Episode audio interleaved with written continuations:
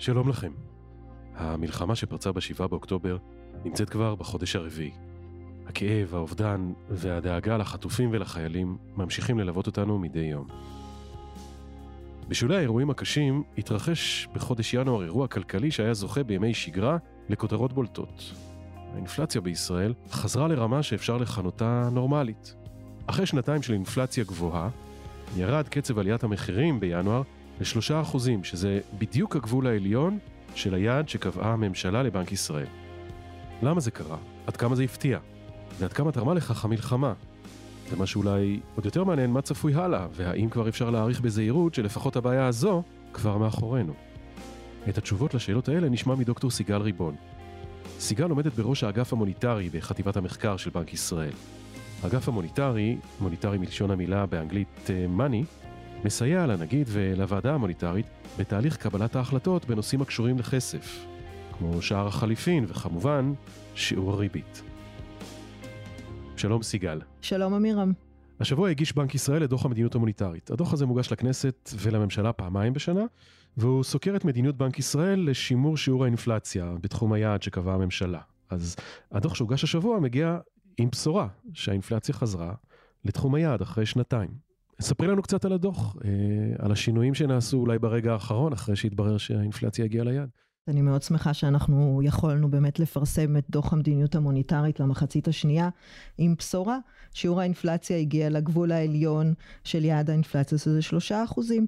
אני בכל זאת רוצה לנצל את ההזדמנות ולספר לכם קצת על מאיפה בא הדוח הזה ולמה, כמו שאמיר אמר, אנחנו צריכים להגיש את הדוח הזה פעמיים אה, בשנה. אז אה, נזכיר שיש לנו חוק של בנק ישראל שהוא כבר לא מאוד חדש, אבל הוא נקרא חדש כי הוא חוקק ב-2010, אחרי שהראשון חוקק ב... 1954 והוא מגדיר את המטרות של הבנק בצורה מאוד ברורה. הוא קובע שהמטרה המרכזית של בנק ישראל זה שמירה על יציבות מחירים. חוץ מזה, החוק קובע שגם הבנק צריך לתמוך במטרות אחרות, צמיחה, תעסוקה, אפילו צמצום פערים חברתיים, אבל רק אם הוועדה המוניטרית מעריכה שזה לא יפגע במטרה הראשונה של השגת היעד של יציבות מחירים. חוץ מזה, מעניין לספר שבגלל שהחוק הזה חוקק ב-2010, שזה אחרי 2008, אז היה המשבר הפיננסי הגדול בעולם, הוסיפו גם מטרה שלישית, וזה שמירה על יציבות המערכת הפיננסית.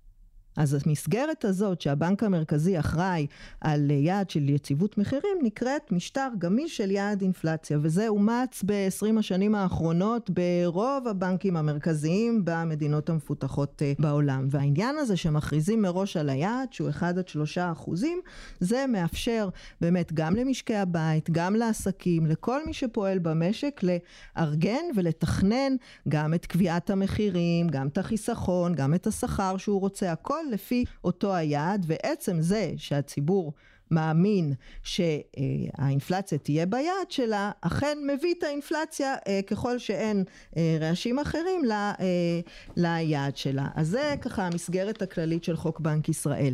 מה עוד מופיע בחוק הזה? בחוק מופיע סעיף שאומר שהוועדה המוניטרית, זאת שאחראית על המדיניות המוניטרית, כמו שאמירם אמר, היא אחראית על ניהול המדיניות והיא גם צריכה להגיש לממשלה ולוועדת הכספים פעמיים בשנה לפחות, ואנחנו החלטנו החלטנו שזה יהיה פעמיים בשנה, דוח שיתייחס גם למחירים וגם להתפתחויות uh, במשק. זה מה שעשינו. עכשיו, מעניין להזכיר שהחוק אומר עוד משהו. החוק דורש שבאותו דוח, אם האינפלציה סוטה מהיעד שלה יותר משישה חודשים, הוועדה צריכה להסביר למה זה קרה, והיא גם צריכה להסביר מה היא מעריכה שהיא תצטרך לעשות בשביל שהאינפלציה תחזור ליעד. כלומר, כל הזמן שומרים על זה שהמדיניות המוניטרית תפעל בשביל להביא את האינפלציה. האינפלציה ליעדה. ואז רק אני אסיים ואגיד שאכן אה, מה שקרה זה שבאמת כתבנו את הדוח אה, כשהכנו את הטיוטה עדיין אה, לא ידענו שהאינפלציה הגיעה לשלושה אחוזים, היה לנו רק את מדד נובמבר, האינפלציה הייתה בשיעור של שלושה נקודה שלושה אחוזים, ועד שהדוח פורסם אכן התפרסם מדד דצמבר ששימח אותנו וברגע האחרון אכן תיקנו את הדוח ויכולנו לדווח לממשלה ולכנסת שהאינפלציה חזרה לגבול העליון של היעד. אז מה עושים במקרה כזה, אם אתם צריכים להסביר למה האינפלציה חורגת מהיעד ופתאום היא נכנסת לתוך קודם תחום... כל היא חרגה, זה שהיא חרגה יותר משישה חודשים היא חרגה, אנחנו עדיין צריכים להסביר, אבל יותר קל לנו להסביר.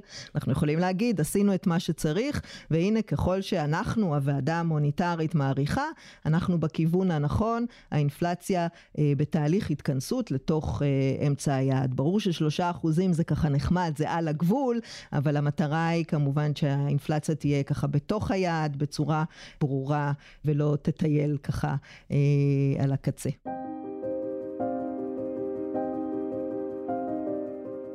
סיגל, המטרה שלי להבין אה, האם האירוע הזה היה מפתיע והאם אפשר לייחס אותו למלחמה, אבל כדי שנבין את זה, צריך לקחת אותך לערב השבעה באוקטובר, מסע בזמן, זה נראה הרבה יותר משלושה חודשים, ולנסות להבין איפה היינו אז. אז אני אקח אותנו אולי עוד יותר אחורה, ממש לפרה-היסטוריה, לימים של אחרי הקורונה.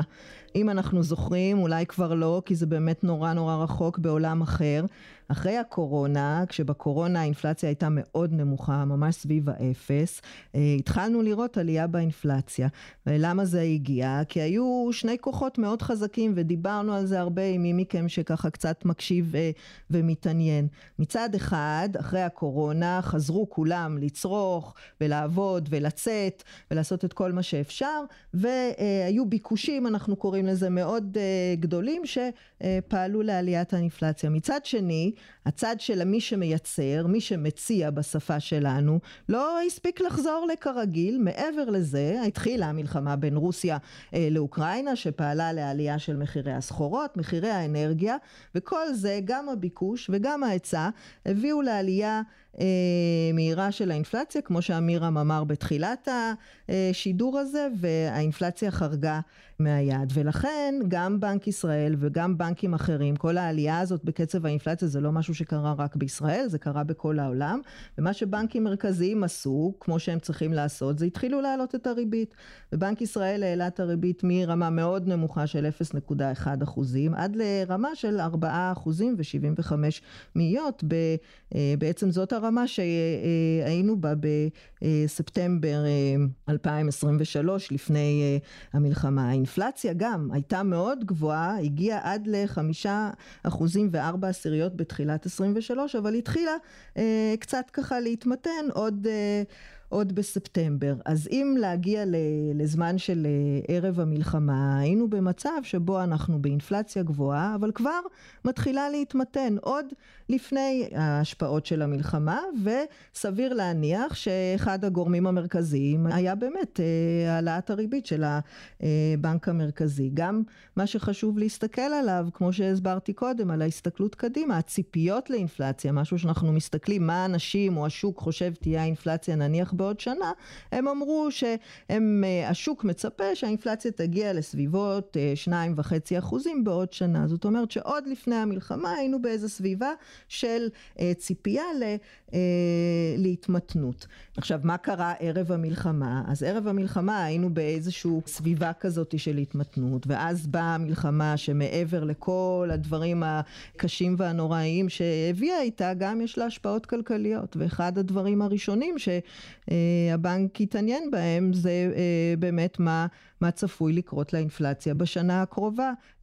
אז גם כשפרצה המלחמה, הבנק כמובן דאג לפעילות וליציבות, אבל המשיך לבחון ולפעול בשביל לשמור על יציבות המחירים.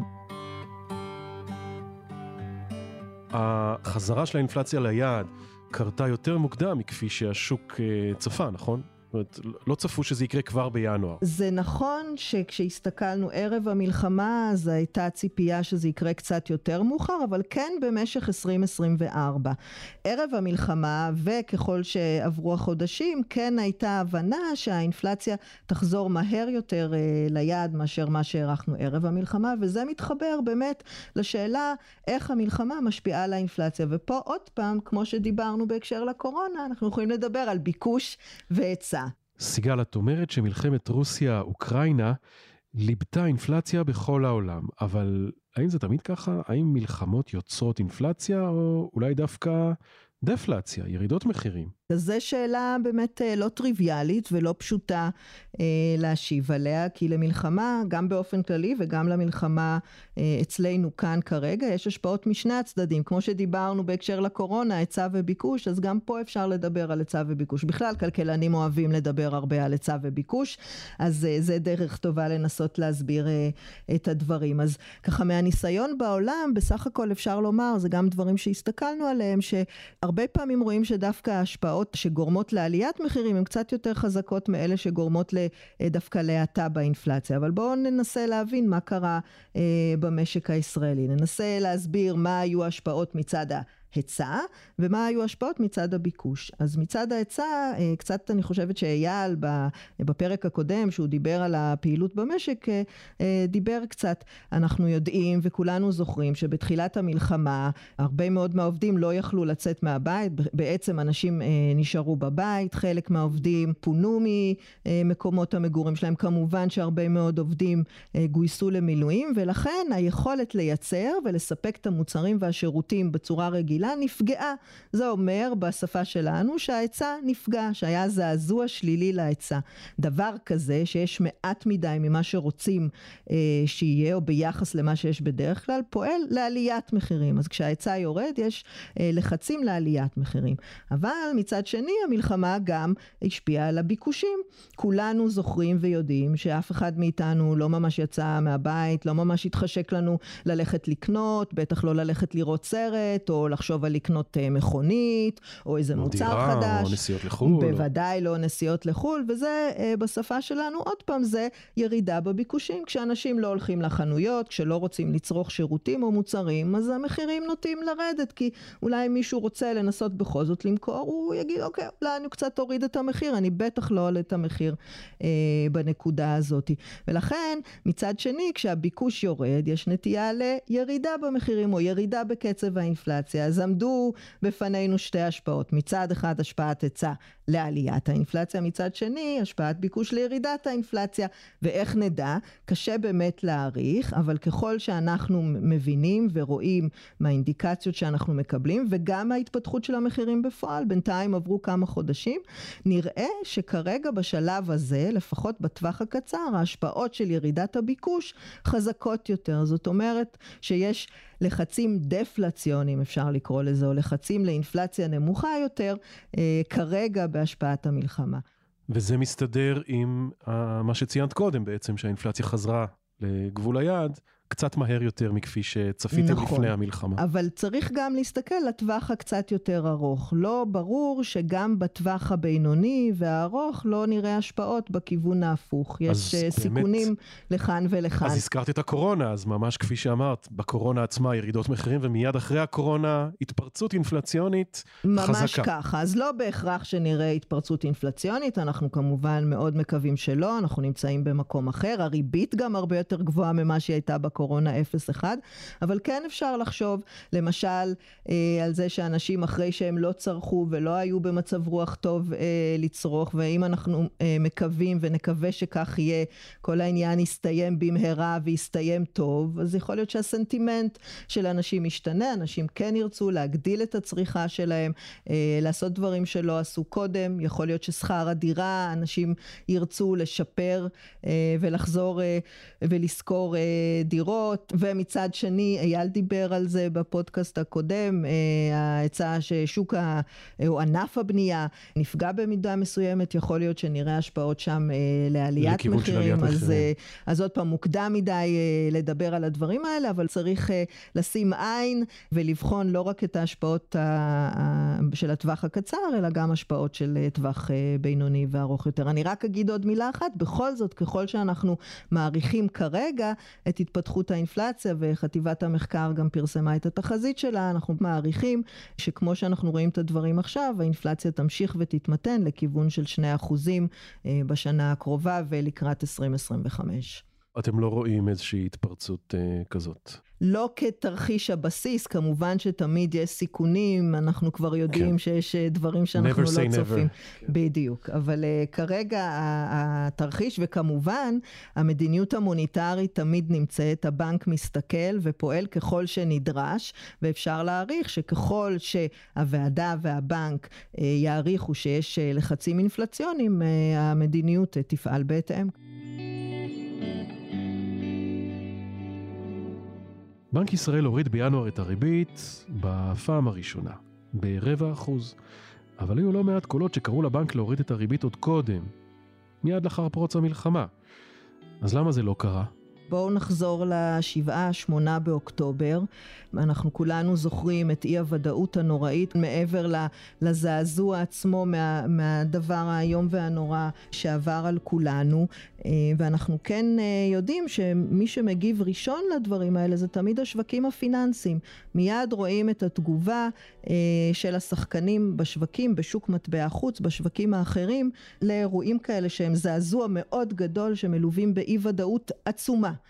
עצומה אה, בימים האלה. ולכן הדבר שהבנק חשב כדבר ראשון מרכזי הכרחי לטפל בו עוד בימים הראשונים זה אה, לדאוג שהיציבות הפיננסית תישמר שהפעילות וההתנהלות הסדירה של השווקים תישמר.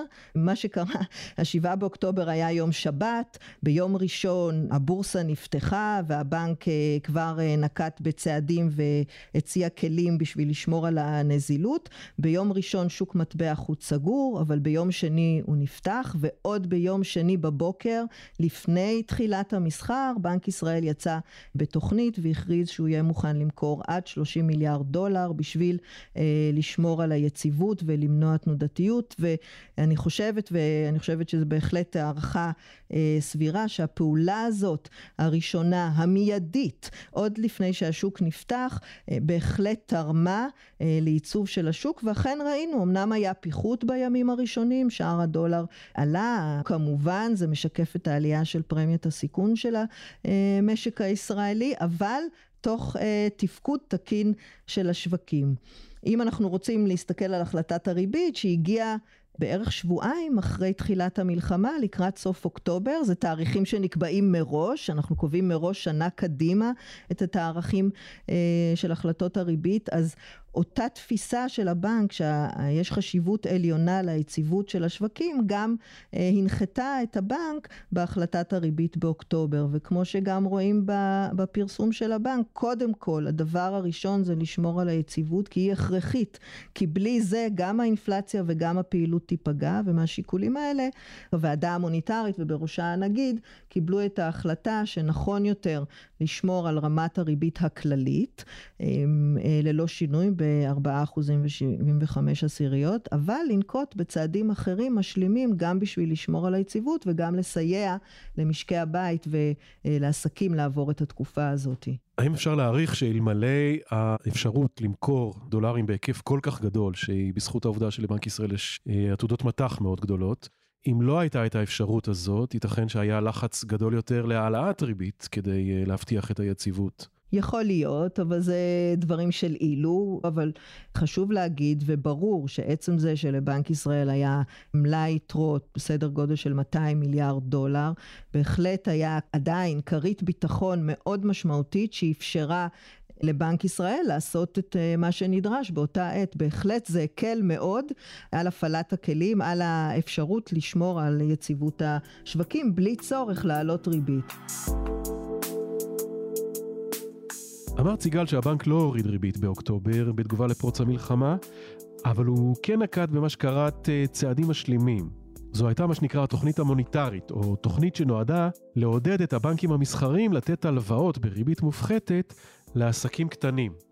בעצם מכשיר אה, שנולד בקורונה, נכון? נכון, נכון, מאוד דומה לקורונה, ואפשר לומר שבמובן מסוים, עצם זה שעברנו את משבר הקורונה הביא אותנו אה, למשבר הזה קצת יותר מוכנים. התוכנית שהוכרזה על ידי בנק ישראל, המערכת הבנקאית, ואחר כך היא הורחבה באמצעות תוכנית אה, בעקרונות דומים לגופי האשראי החוץ-בנקאיים, אה, באמצעות צעדים קצת אחרים, בשימוש בעסקאות טריפו, אבל הרעיון הכללי היה שבנק ישראל מספק למערכת הבנקאית הלוואות בהיקף כולל של עד עשרה מיליארדי אה, ש"ח לתקופה של שנתיים, אחר כך זה הורחב גם לאפשרות לתקופה של אה, שלוש שנים בריבית שהיא לא ריבית בנק ישראל שהייתה אז 4.75, אלא בהנחה מסוימת, ב-4 אחוזים 75 פחות, אחוז וחצי. אבל הבנקים יקבלו את המקורות האלה רק כדי לתת הלוואות לעסקים קטנים וזעירים,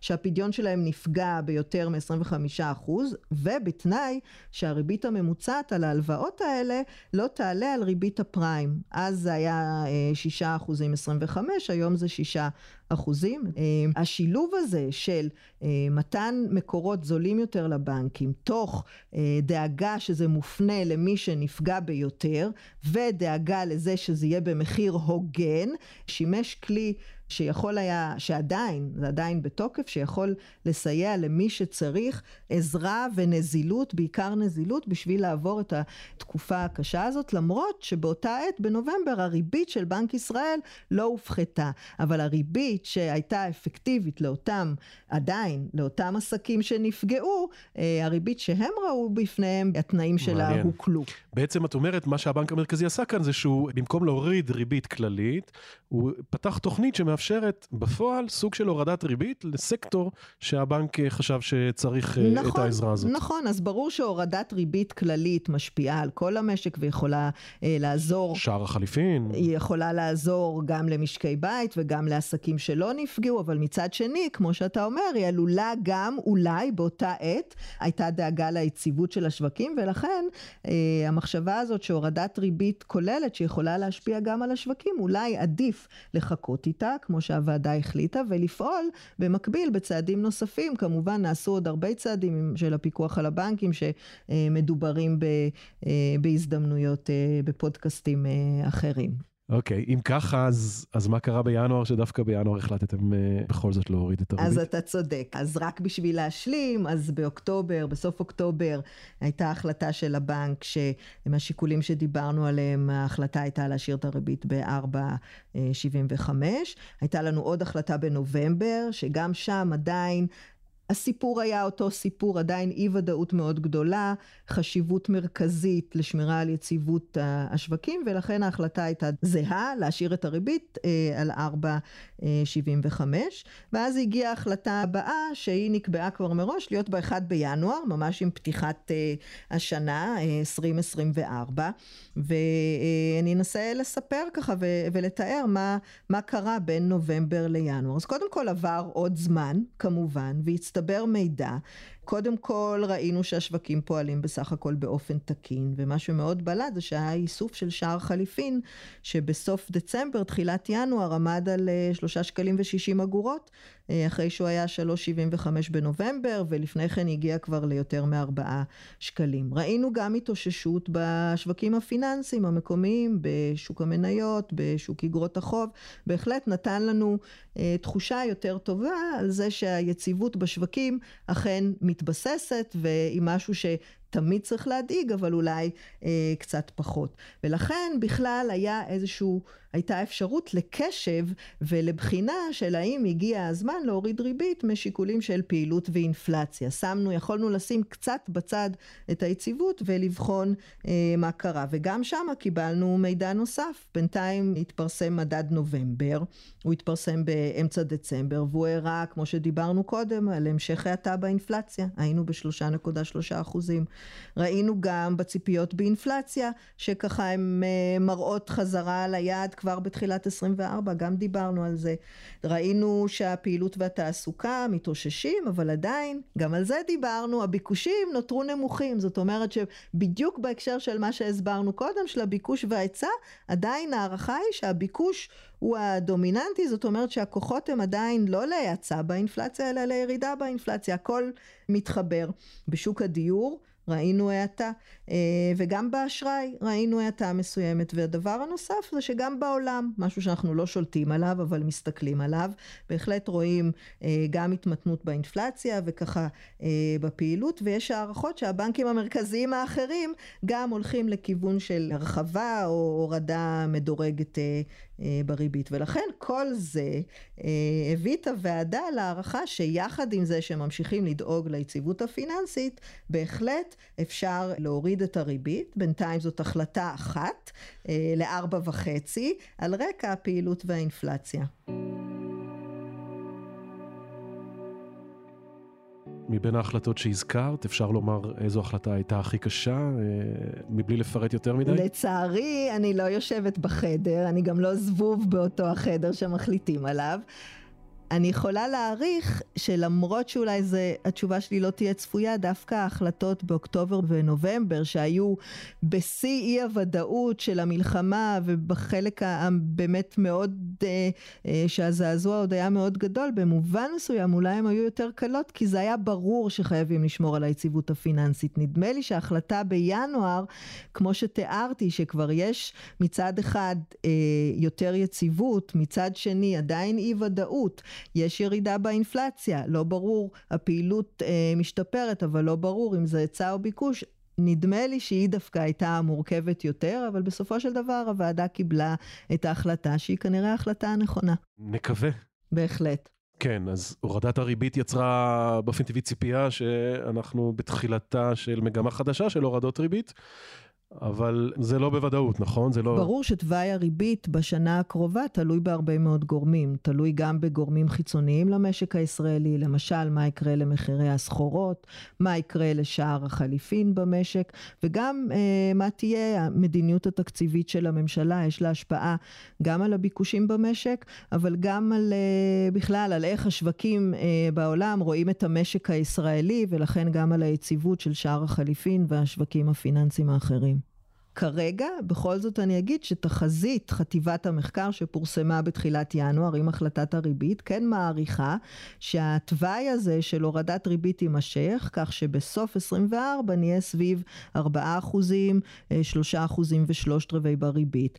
זה אה, לא התחייבות של הוועדה, זה תחזית של חטיבת המחקר, היא תלויה בהתפתחויות, בפעילות, באינפלציה, ביציבות אה, בשווקים, ואנחנו מאוד מקווים שאכן ההתפתחויות יהיו כאלה שיאפשרו הורדה איטית ומתונה ומדודה של הריבית. אפשר לומר שזו תחזית שהיא מנקודת מבט די אופטימית בסך הכל. אה. אנחנו מקווים שיהיו סיבות טובות לאופטימיות לא רק בהקשר של האינפלציה, אלא בדברים החשובים יותר שכולנו נמצאים בהם היום. טוב, בנימה אופטימית. תודה רבה, סיגל. תודה רבה לך, אמירם. עד כאן פרק נוסף בפודקאסט הצד השלישי של המטבע. תוכלו לשמוע אותנו ביישומון ההסכתים החביב עליכם, ספוטיפיי, אפל פודקאסט, דיזר, גוגל פודקאסט, אמזון. מומלץ להירשם כדי לקבל עדכונים על פרקים חדשים. בקרו גם באתר בנק ישראל, שם תוכלו לצפות בעוד הרבה חומרים מעניינים שהפקנו עבורכם. תודה לניר לייסט ולאור שמיר על ההפקה. תודה לכם על ההאזנה. אני הייתי עמירם ברקת ואנחנו נשתמע בפרקים הבאים.